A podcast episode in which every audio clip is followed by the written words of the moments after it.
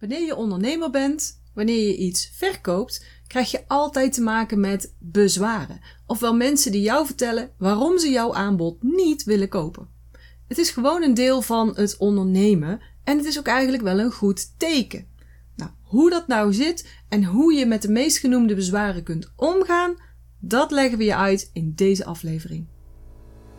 Wil jij een constante stroom van nieuwe klanten in jouw health en wellness business, zodat je de vrijheid, de impact en het inkomen krijgt waar je van droomt?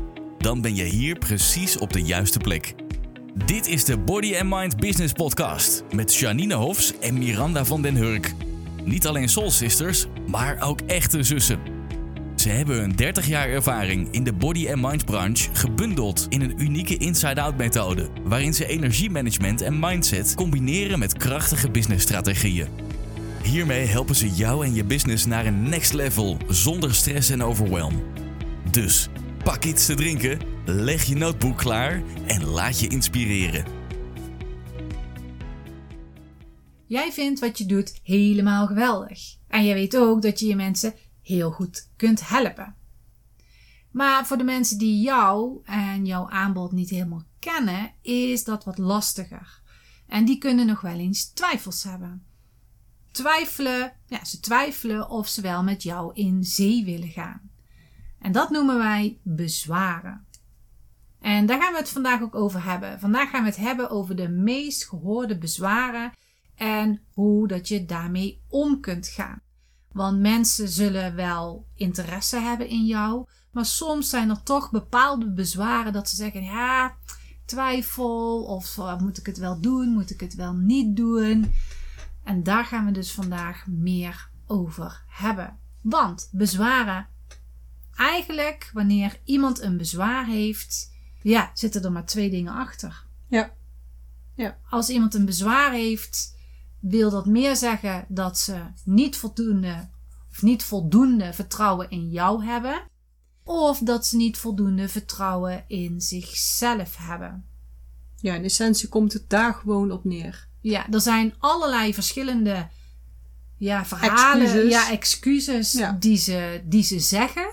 Maar als je die gaat ontleden, komt er uit dat er twee dingen zijn waarom ze dus twijfelen of waarom ze het product niet willen kopen. Of...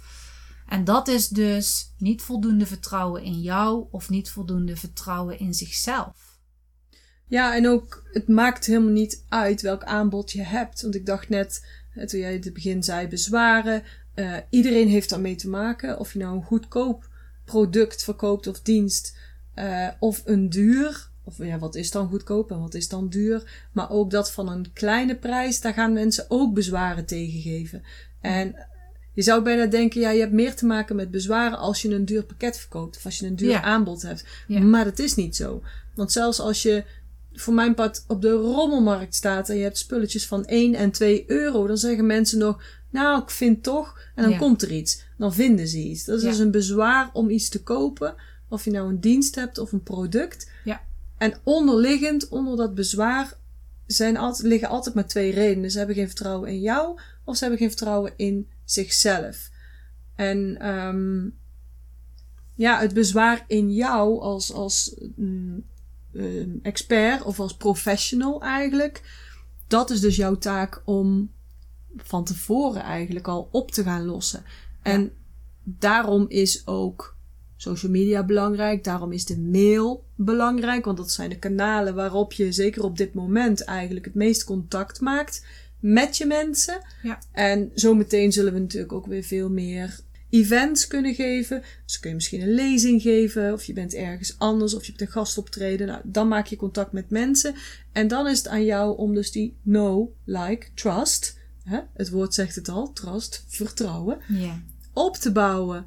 Want je krijgt niet zomaar vertrouwen van mensen. Eh, Ze moeten je eerst leren kennen, dan moeten ze je nog leuk vinden en dan moeten ze je gaan vertrouwen. Dus dat is wel echt, echt een hele belangrijke. Dus als er veel bezwaren komen of als je weinig verkoopt, dan zit daar gewoon een, een tekorte no-like trust funnel onder, zou ik bijna zeggen. Ja. Een pad onder eigenlijk, wat de mensen dus doorlopen hebben.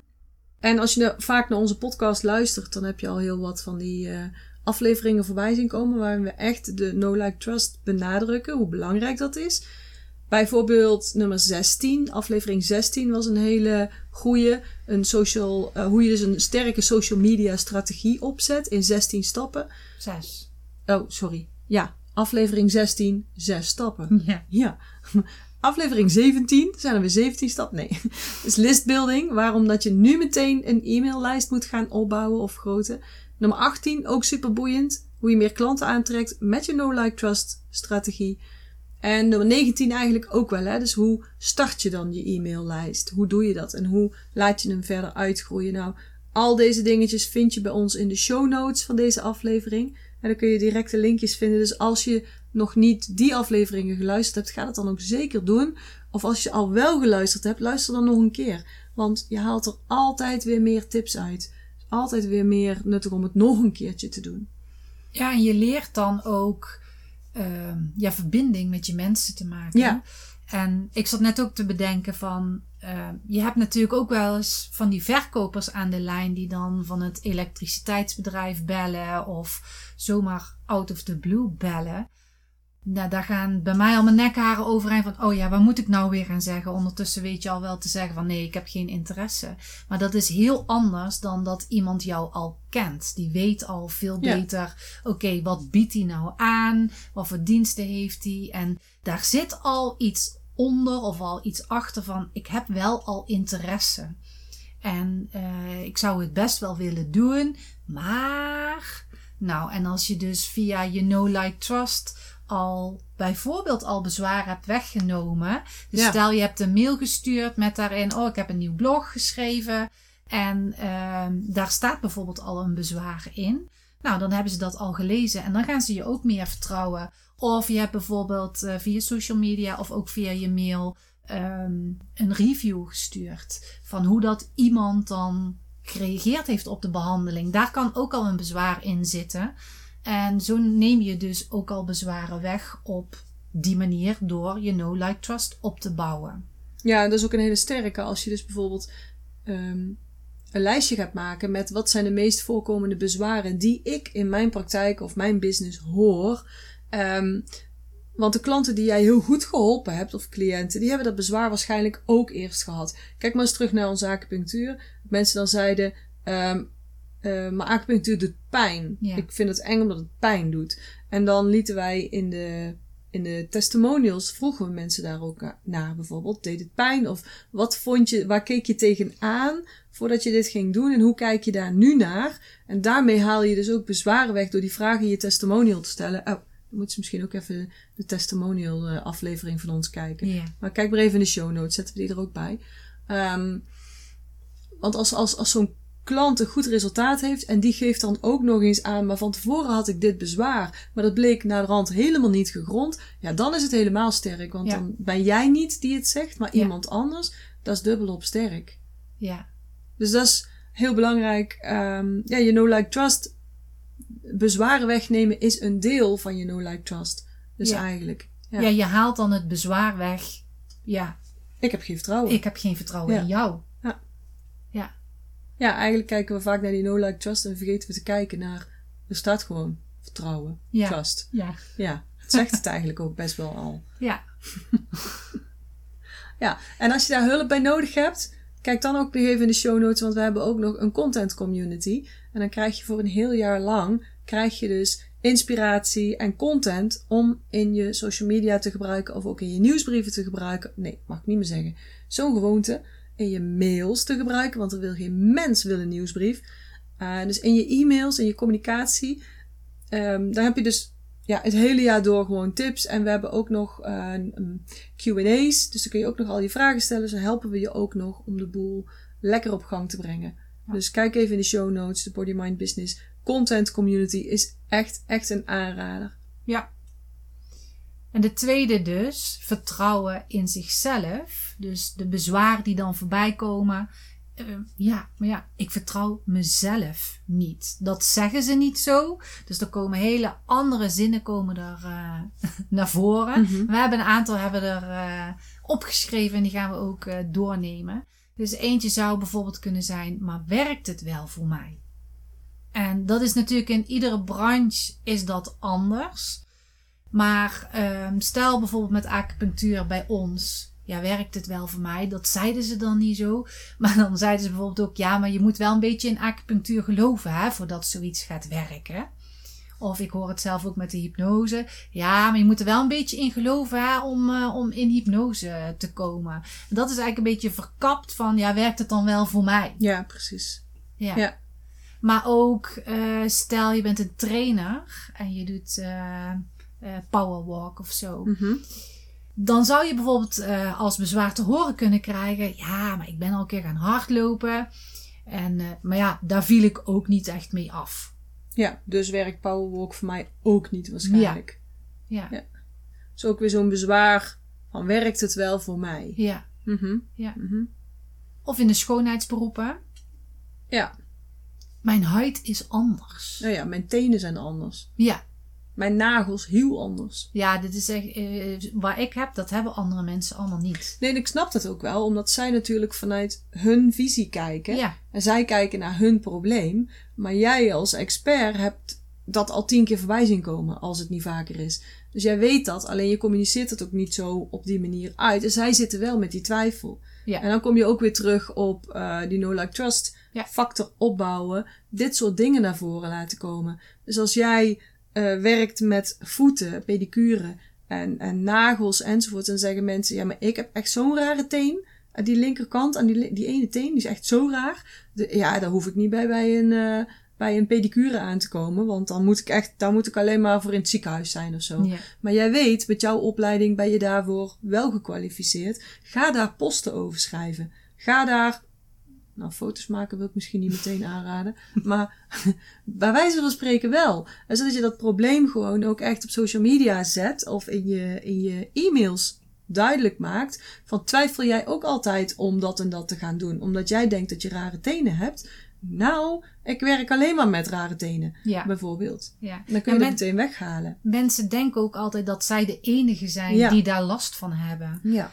Maar ja, als je zelf in dat beroep zit, welk beroep dan ook, Ja. kom je zoveel vers- eigenlijk dezelfde klachten tegen. Ja. Dat je weet, ja, maar je bent echt niet de enige. Ja. Er zijn, ik werk wekelijks met Ja. eh, dit probleem. Oh, echt waar? Ja, dus het werkt ook voor jou. Mhm.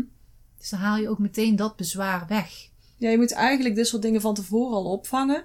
Ja. Dat je niet naderhand, als iemand je dus belt eh, voor informatie bijvoorbeeld, voor jouw pakket, of ja, losse behandeling zou ik dan niet zozeer aanraden, maar stel je hebt een pakket ehm, en mensen bellen je dan, dat je dan niet aan die bezwaren hoeft te gaan werken, maar dat je in jouw hele no-like-trust funnel eigenlijk al dat soort dingen al weggenomen hebt. Ja, Dan hoef je dat niet meer te gaan doen in het gesprek. nee. Je kunt ze natuurlijk ook altijd weer doorverwijzen daar naartoe. Maar Ja, als je er nou achter komt dat je iemand helemaal niet kunt helpen. En dat ze Ja. een bezwaar hebben waarvan jij denkt, ja, ook inderdaad, daar werk ik niet mee. En bijvoorbeeld, eh, om even op de voeten te blijven, als iemand eh, suikerziekte heeft, diabetes, en een wondje aan de voet is natuurlijk dan extra gevaarlijk en jij bent daar niet voor gekwalificeerd, ehm, dan denk ik, nou, nou praat ik even niet over mijn eigen vakgebied, maar dan denk ik, dan moet je daar niet aan gaan beginnen, dan moet je daar niet mee werken, dan moet je ze doorverwijzen naar iemand die dus gediplomeerd is, gekwalificeerd is in ieder geval, eh, voor diabetes voeten. ja, Dat is dan een specifiek iets, die kun je dan doorverwijzen. ja, Ja. Maar bijvoorbeeld de powerwalk, hè, want ik heb al eens eerder ben ik gaan hardlopen en dat werkte ook niet. En dan zou je kunnen zeggen, ja, maar wij doen powerwalk. En dan eh ga maar hardlopen, kom je op een te hoge eh, hartslag bijvoorbeeld. Dan ga je over je eh aerobe zone heen, dan kom je in het anaerobe vlak. En daarom val je niet af. Dan zou je dat kunnen gaan uitleggen. Dan kun je dus veel beter doen in een podcast, of in een blog, ja, of in een social media post, of in een serie, of in een enzovoorts. ja. Dan zeggen mensen ook heel snel ja. Ja, dan heb je ze al voorbereid. Ja, Dus dan haal je dit soort dingen van tevoren al weg. En dan kun je in een gesprek kun je echt hebben over zaken die eh, eh, nog kleine afrondingszaken zijn bijvoorbeeld. Ja. Hoe moet ik praktisch dit doen? Hoe moet ik praktisch... Dan heb je gewoon ook veel beter geïnformeerde mensen aan de telefoon of Ja. aan je, in je call. En ook eh, mensen die al, al veel meer een stuk van die beslissing hebben genomen. En als je ze aan de lijn hebt of wat dan ook, of je spreekt ze. Het is natuurlijk wel de bedoeling dat je ze ook meer op hun gemak stelt. Want ehm, het is dus eigenlijk, ik heb geen vertrouwen in mezelf, dat je ook voor hun het vertrouwen geeft. Jawel, dat kan jij wel. Ja. Je, je je je je En bij ons vroeger was het al met de yoga. Als wij dan eh, informatie moesten geven, dan zeiden wij ook van, weet je, ga het eens drie maanden proberen. Want pas na drie maanden kan je echt zeggen, het heeft invloed op mij. En na één of twee keer heeft het, het heeft tijd nodig om, om uh, te zien hoe dat het werkt voor jou.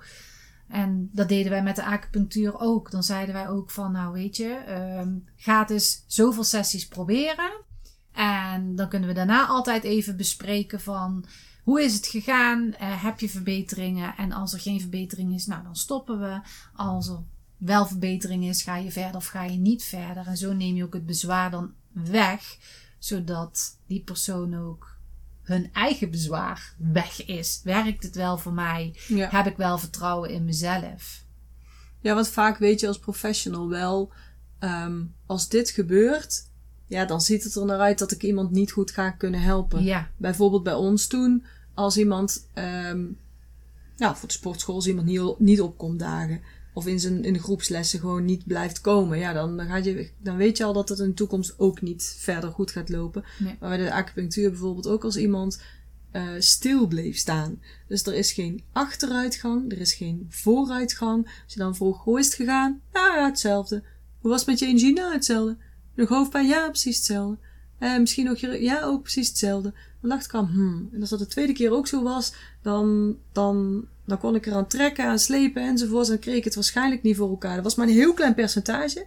Maar daardoor wist ik ook, ik kan dus tegen de mensen zeggen, als je in de eerste vier keer, als we daar totaal geen beweging creëren, ja, dan ben ik niet de juiste persoon voor jou. Nee. Dan is acupunctuur misschien niet eens de juiste techniek voor jou. En dan ga ik je helpen om door te verwijzen naar iemand die je dan waarschijnlijk wel beter kan helpen. Ja. En dan creëer je ook weer dat vertrouwen. Dat mensen zeggen, oké, okay, maar ik ga het gewoon aan en ik ga erin. Ja. En dan ga ik het gewoon proberen. Dan durven ze die stap ook te Ja. maken. Zo van, oké. En dat kun je met een pakket natuurlijk ook doen. Als je een pakket hebt, kun je ook zeggen van nou, we hebben dit pakket afgesloten. Maar als in de eerste maand nou blijkt dat we niet voldoen aan dit of dat. Ja. Hè, dan kun je, het eindresultaat behaald is dan natuurlijk niet reëel. Maar je kunt wel een bepaalde grens neerzetten.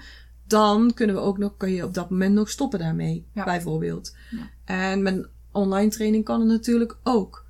En dan kun je ook zeggen van we, we, we bouwen een soort van garantie in. Ja. Moet je wel je opdrachten hebben gedaan, die moet je mij laten zien. En als je dan nog niks vindt, om welke reden dan ook, dan kun je daar nog uitstappen. Ja. Bijvoorbeeld. En daarmee creëer je ook vertrouwen, Ja.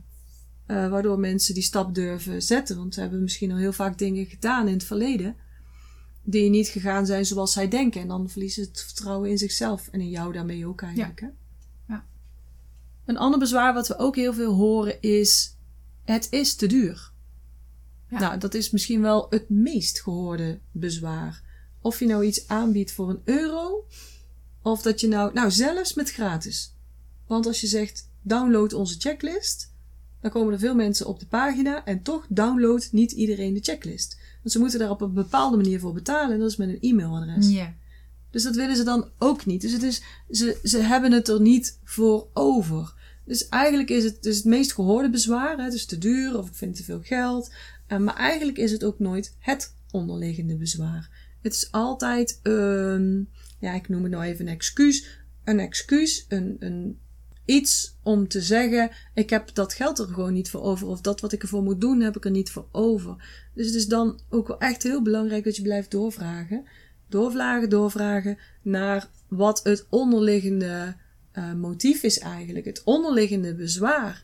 En daarbij kun je ook gerust een vraag stellen zoals, joh, als de prijs nou geen issue zou zijn of de investering nou niet het probleem zou zijn, zou je dan wel deelnemen? Zou je het dan wel doen? Zou je dan wel ja zeggen? En dan laat je weer de wel bekende stilte vallen. En als ze dan zeggen, ja, als het nou andere prijs was, dan ging ik het wel doen. Dan kun je nog gaan praten over bijvoorbeeld een betalingsregeling of, of een korting of minder intensief. Of je, je hebt misschien iets, een aanbod wat er iets lager ligt. En als het nou nee is, als, dan hoor je, waarschijnlijk zeggen ze dan niet nee, dan zou ik het ook niet doen. Want dan hebben ze, dan hebben ze door dat ze zichzelf eigenlijk vastpraten. Maar dan zullen ze zoiets zeggen, uh, ja nee, dan moet ik ook nog even over nadenken. Of dan moet ik ook nog even dat, dan komt er weer een volgend bezwaar. En dat is voor jou dus het signaal dat je een onderliggend bezwaar moet gaan blootleggen. Dus dan moet je echt gaan doorvragen. Bijvoorbeeld door te vragen, oké, okay, wat heb je dan nodig om daar te komen. Dus echt nog een keer terug naar het begin. Oké, dit is je pijn, dit is je oplossing. Wat heb je dan nodig om tot een beslissing te komen? Ja, want ze, ze, ja, nogmaals, ze zijn niet voor niks bij jou. Ze willen Ja. eigenlijk een probleem opgelost hebben. En ehm, ze vragen aan jou bijna zo van, trek mij over de streep om het te gaan doen. Alleen ik durf het nog niet helemaal. Ik, en dan kan het dus zijn dat iemand zegt, het is te duur. Dat Ja. is vaak ook een makkelijk, ja, makkelijk iets om te zeggen, ik vind het te duur. Want niemand kan in mijn portemonnee kijken, dus niemand kan ook zeggen of dat te duur is of niet te duur is. Dus dat kan ik makkelijk en veilig zeggen. Ja. Maar toch wil ik stiekem eigenlijk wel het programma volgen. Of Ja. toch wil ik eigenlijk stiekem mijn oplossing eh, opgelost hebben. Daarom heb je natuurlijk ook heel veel salespersonen met zo'n script. Ja. Die daar dan allerlei hm, zinnetjes voor hebben om jou alsnog over te halen om het wel te doen. Ja. Dat zou je natuurlijk voor jezelf ook kunnen doen. Maar voor mezelf, ik vind het wel belangrijk dat wanneer je bezwaren gaat weghalen, dat je ze ook echt gaat weghalen omdat je die persoon wilt helpen. Soms heb je dus inderdaad van die gesprekken dat mensen bellen, die willen echt een klant binnenslepen. Jij moet gewoon ja zeggen. Maar wanneer de intentie vanuit jou ook goed bedoeld is, van ik wil jou ook helpen en ik weet ook de dienst of het product wat ik heb, kan jou ook heel goed helpen als je op die manier ook die bezwaren wegneemt, dat voelen mensen ook. En die weten ook, oh ja, daar moet ik wel zijn ook. Het voelt goed om daar een ja op te zeggen dan. Ja, ja, precies. Iets wat we in onze branche, body-mind branche eigenlijk dus ook heel veel horen is, ja, maar het wordt niet vergoed door de verzekering. En eigenlijk valt het ook wel onder dit kopje, hè. Dus eh, het, is, het is veel geld of ik wil hier mijn geld niet aan uitgeven. Dat is eigenlijk wat ze zeggen. En dan is het belangrijk dat je ze ook duidelijk maakt wat de waarde is van de hulp die jij biedt. Wat de waarde is van jouw aanbod. Dus niet zozeer wat kost het, maar wat levert het die persoon op of die persoon. En ik weet nog bijvoorbeeld, wij hadden een, een instructeur toen. ehm, en die had last van haar knie. En, ehm en weet ik even niet meer, knie, elleboog, maakt niet uit. Knie. En die was bij de fysio geweest en dat ging eigenlijk heel goed. Maar op een gegeven moment zei ze tegen mij, ja, ik kan niet meer naar de fysio. Oké, hoezo niet? Ja, want de verzekering vergoedt niet meer. Oké, maar hielp het dan niet? Jawel, hielp hartstikke goed, maar ja, mijn behandelingen zijn op. Zeg maar, zou je dan niet gewoon zelf die behandeling kunnen betalen? Eh, nog nooit aan gedacht. Dat was dus gewoon het, eh, dat bleek wel, ze had daar nog nooit aan gedacht. Ik zei, maar ben je wel eens gaan informeren wat dat dan kost? Eh, en aan de rand is, de, is ze volgens mij ook wel gaan doen, want het had dus gewoon nut. Maar wij zijn als Nederlanders ook zo verwend Ja. met die verzekeringen. En een aantal van ons zitten dus in de branche van hè, acupunctuur of eh, in de branche van body mind business, maar in de acupunctuur of in de shiatsu en krijgen hun, hun behandelingen vergoed. Dan krijg je dus mensen aan de lijn die zeggen, ja, maar het wordt niet meer vergoed. En dan is het belangrijk dat je dus goed gaat staan voor je waarde. Ja. En dat je dat goed duidelijk maakt. Wat wil jij bereiken? Want mensen geven ook geld uit aan vakantie, aan roken, aan wijn drinken, aan naar de bioscoop gaan, aan een dagje Efteling. Als je kijkt met vier man wat je dan kwijt bent voor een dagje Efteling. En dus waarom geef je geen geld uit en datgene wat je zo graag opgelost wilt hebben? En dan komt er misschien wat ja, skills van jezelf bij kijken. Hè? Dat je dus echt uitlegt wat je waarde is, wat je biedt. Niet zo van, ja, ik doe eh, acupunctuurbehandelingen. Nee, dat wil niemand. Maar je wil wel je probleem opgelost hebben. Zo van, nou kijk, we gaan dit en dat en dat doen. Met als resultaat dat jij minder hoofdpijn hebt. Ja. Zodat jij meer energie hebt. Zodat jij enzovoort. Dus zodat is gewoon heel erg, eh, erg belangrijk. ja. En een derde zin, opmerking die we ook heel vaak horen is: Ik moet nog even met mijn man overleggen. Wordt heel vaak gezegd. Ja. En we hebben het hier natuurlijk van tevoren al over gehad. En eigenlijk vonden we het wel een beetje grappig. Want meestal, eigenlijk altijd, horen we van vrouwen: we moeten het met mij, of ik moet het met mijn man overleggen. Maar ik heb het nog nooit van een man gehoord. Ik moet het met mijn vrouw overleggen. Nee. Ja, is waarschijnlijk ook omdat een man meestal mm, over het geld gaat. Ja. En heel vaak is ook de man de meestverdiener. Of ehm, degene die überhaupt geld verdient. Ja. En in dat geval hoor je dus vaak vrouwen ook zeggen: ik moet het met mijn man overleggen. En ook omdat vrouwen op een of andere manier vinden dat zij gebruik maken van het gezamenlijke budget. En een man heeft meestal ook meer. Ja, dit vind ik het waard om en dat ga ik dus ook doen. Ja. Ik heb een nieuw racket nodig, want mijn squash racket is kapot. Bijvoorbeeld. En dan gaat gewoon een nieuw racket kopen. Terwijl jij denkt, oh, ja, maar als ik nou een racket niet koop, dan gaat dat weer van het budget af. En we gaan dan weer bijna op vakantie. En dan kunnen we minder ijs eten als we in Italië zitten. Of weet ik het wat we jou kunnen bedenken, bijvoorbeeld. Maar dat zie je dus veel meer vrouwen doen eigenlijk dan, dan de mannen. Dan kunnen we soms ook wel een voorbeeld aannemen. Zo van, oké, wat, wat vind jij jezelf waard? Mhm. Ehm, waar ga je voor? En natuurlijk aan de kant van de, van de specialist, van de therapeut, eh, is het weer, hoe kan je uitleggen hoeveel waarde jouw aanbod heeft? Ja.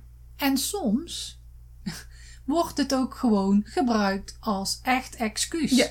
Ja, ja, tuurlijk. Dan is het nog niet eens waar, maar dan is het wel makkelijk om te zeggen: ja, nee, sorry, ik moet even met mijn man overleggen. Ja. Ja. Maar dan nog zit er toch iets onder. Ja. Dit is gewoon een excuus omdat je niet nee durft te zeggen. Of omdat je jezelf niet vertrouwt eh, dat je het kan Gaat gaan doen. doen, Mhm. of, of wat dan ook. Mhm. Ja. Maar ja, Mm. Ja. Ja.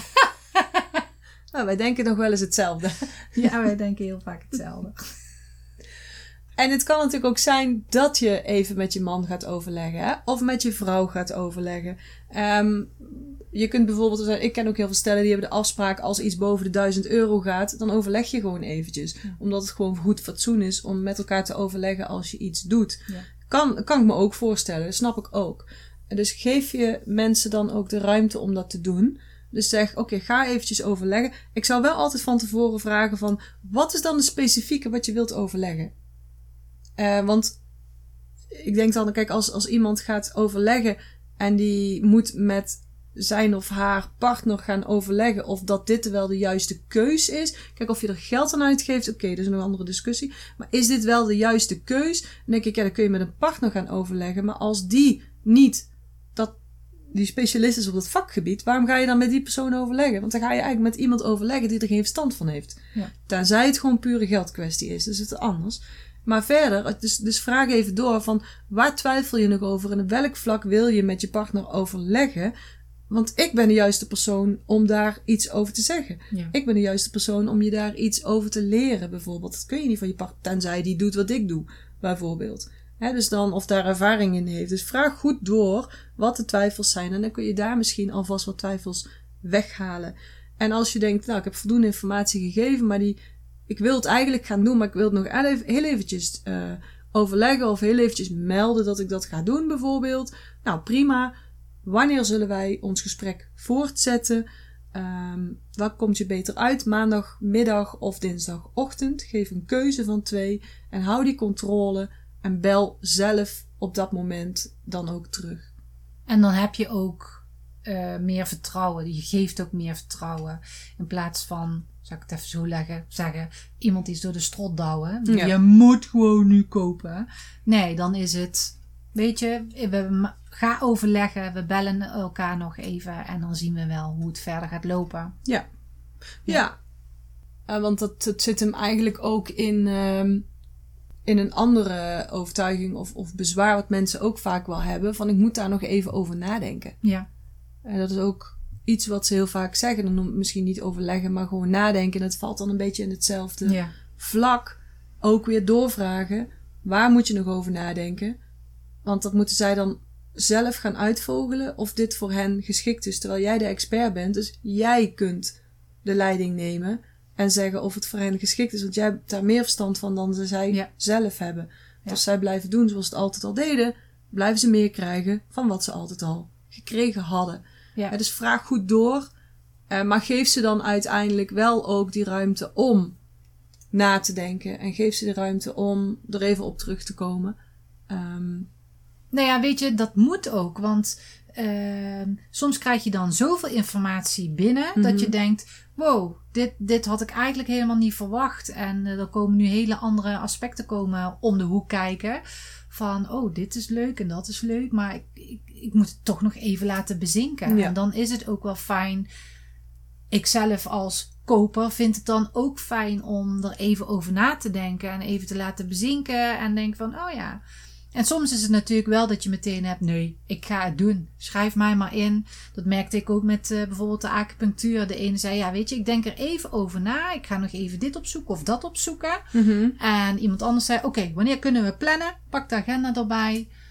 Dus, uh, maar als je erover na wil denken, geef dan ook dat vertrouwen. Oh ja, Ja. dat is wel fijn dat je dat zegt, want uh, kan ik tenminste over nadenken. Wel fijn dat je met mij meedenkt. Geef me ook wel een idee meteen. Als je zegt, ehm, oh, ik ga er nog even over nadenken, want ik ga nog even dit opzoeken en dat opzoeken. Dat doen mensen dus toch ook veel. Even kijken bij anderen. Ja. Dus even, en dat is dan misschien ook weer iets wat je kunt opnemen in je, in je social media communicatie en in je mails. Dat je bijvoorbeeld zegt, waarom moet je bij mij komen? Ja. En niet bij die. Ja. Of waarom moet je powerwalk gaan doen in plaats van hardlopen? Ja. Uh, dus dit versus dat Ja. versus dat. Dat zijn altijd ook al hele slimme artikelen. Ja. Die goed zijn voor de zoekmachines. En ook ehm, slim zijn voor jezelf om te plaatsen. Ja. Een ander ehm, bezwaar wat we ook nog vaak horen en zien is: ik heb hier geen tijd voor. Heb ik hier wel genoeg tijd voor? Ik heb geen tijd. Dat is eigenlijk hetgene wat niemand heeft. Niemand heeft tijd. Iedereen is druk. Ja. Maar laat dat nou vaak juist precies de reden zijn waarom je dingen moet gaan doen. Zeker als je kijkt naar de body-mind branche. Ja, gezondheid, stress, ontspanning, tijd voor jezelf. Ja. Ja, Dus als mensen zeggen, daar heb ik geen tijd. Je hebt toch ook zo'n uitspraak van de boeddhisten. Van, je moet een uur mediteren. Behalve als je heel druk bent, dan moet je drie uur mediteren. oh ja. En dat, dat, dat zegt het eigenlijk al heel mooi. En waarschijnlijk voor alle mensen die nu luisteren in, in, in je vak, zul je wel ja zitten knikken. Ja, dat is waar. Als iemand heel druk is, hebben ze mij juist nodig voor die balans of wat dan ook. Nou, kun je weer fantastische artikelen over schrijven. Ja. Maar natuurlijk ook als iemand dat in een gesprek met jou zegt, van ja, maar ik heb er weinig tijd voor, dan zou je kunnen gaan helpen. Oké, ik herken dit als een deel van het probleem. Daarom zit je ook in deze situatie. Ja. Dus ga dan met die persoon kijken. Hoe kun je die onrust wegnemen? Want als iemand zegt, oh, daar heb ik geen tijd voor. Dan, en dan ga ik wel na de zomervakantie doen. En dan ga ik wel na september doen. Want er zijn examens voorbij. Dus dit en dat, dat, dat, dat. En dan heb ik meer rust. Nou, geloof mij, die rust die gaat niet komen. Want dan, dan hadden ze al lang technieken bij zichzelf ontwikkeld om dat te voorkomen. Dus ga ze dan helpen. Oké, wat is tijd voor jou?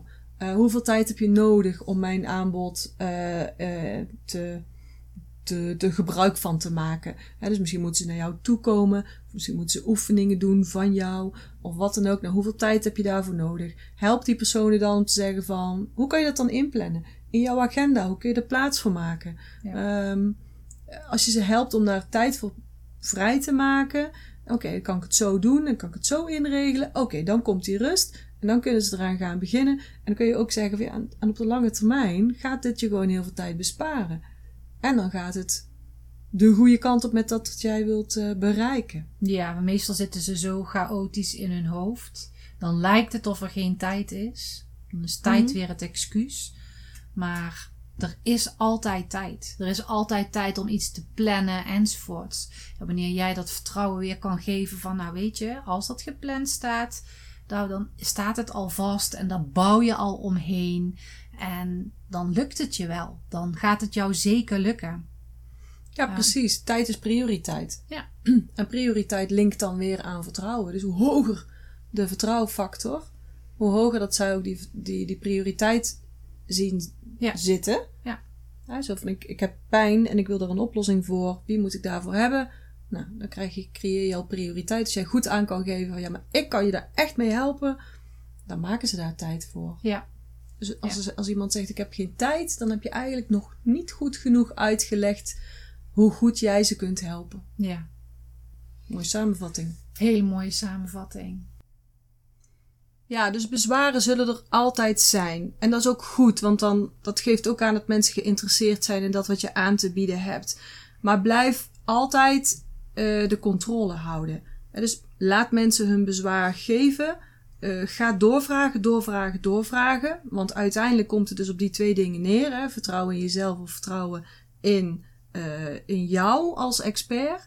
Dus blijf daarop doorvragen wat de kern is. En ga dan de leiding blijf dan de leiding houden dat zeggen we, oké, denk er nog even over na. Ehm, ik bel je maandag of dinsdag terug. Wat heb je liever?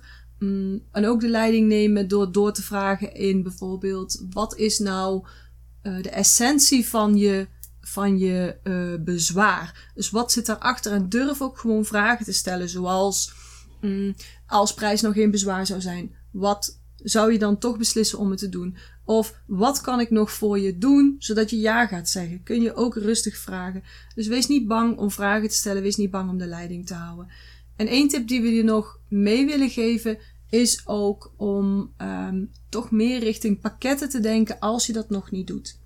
En dat zien we ook steeds meer in allerlei branches. We zien het bij de afslankstudio's. We hebben dat zelf ook gedaan. Voorheen hadden we een VacuStep 20 rittenkaart. En dan moesten ze dus iedere keer weer die 20 ritten verkopen. Maar op een gegeven moment gingen we kijken: oké, wil jij 5 kilo afvallen? Wil je misschien 30 kilo afvallen? Nou, 30 kilo, dat gaat gemiddeld zoveel per week. Dus moet je dit en dat en dat gaan doen. Hier gaan we opbouwen, hier gaan we afbouwen. Hè? Dit is het pakket. Ben je veel goedkoper uit. Plus wij hoefden niet iedere keer een verkoop te doen. Of de medewerkers hoefden niet iedere keer een verkoop te doen.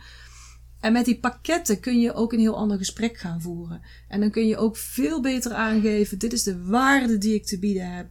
En dit kun jij gaan bereiken. En dan heb je het over heel andere bezwaren. En we zien het niet alleen bij die afslankstudio's, we zien het ook bij de kappers. En je hebt bijvoorbeeld een abonnement. Als je gewoon laat knippen, dan kost het zoveel. Maar ben je lid van de club en betaal je een lidmaatschap, dan kost het veel minder. En we zien het ook bij de nagels, dus ook in jouw branche. Denk daar gewoon eens over na. En wat zou je in een pakketvorm kunnen zetten? Je, je hoort ons daar wel vaker over praten en daar gaan we ook nog vaker over praten waarschijnlijk. Ja. ga kijken hoe je dat kan doen. En we zijn er altijd voor je als je daar nog wat hulp in kunt gebruiken. Je kunt nog inschrijven ook voor de Inside Out Business School. Anders mail ons gewoon eventjes als je daar een vraag over hebt. Sowieso vinden we het leuk als je contact met ons zoekt of als je even deelt dat je inspiratie hebt gehaald uit deze podcast of dat we iets heel wijs hebben gezegd of misschien wel iets schokkends waar je totaal niet mee eens bent. Deel het eens op social media of stuur ons een mailtje naar hallo bodymindbusiness.nl of op social media. Tag ons dan even, want dan kunnen we het ook zien. En je vindt ons op Facebook onder Body Mind Business NL en op Instagram Body Mind Business. Dus stuur ons een berichtje, laat ons eens weten. Maak eens een screenshot dat je aan het luisteren bent. Vinden we allemaal leuk. En dan zien we jullie heel graag, of horen jullie heel graag, de volgende keer weer terug in hier in de podcast Body Mind Business. Tot de volgende keer. Tot de volgende keer.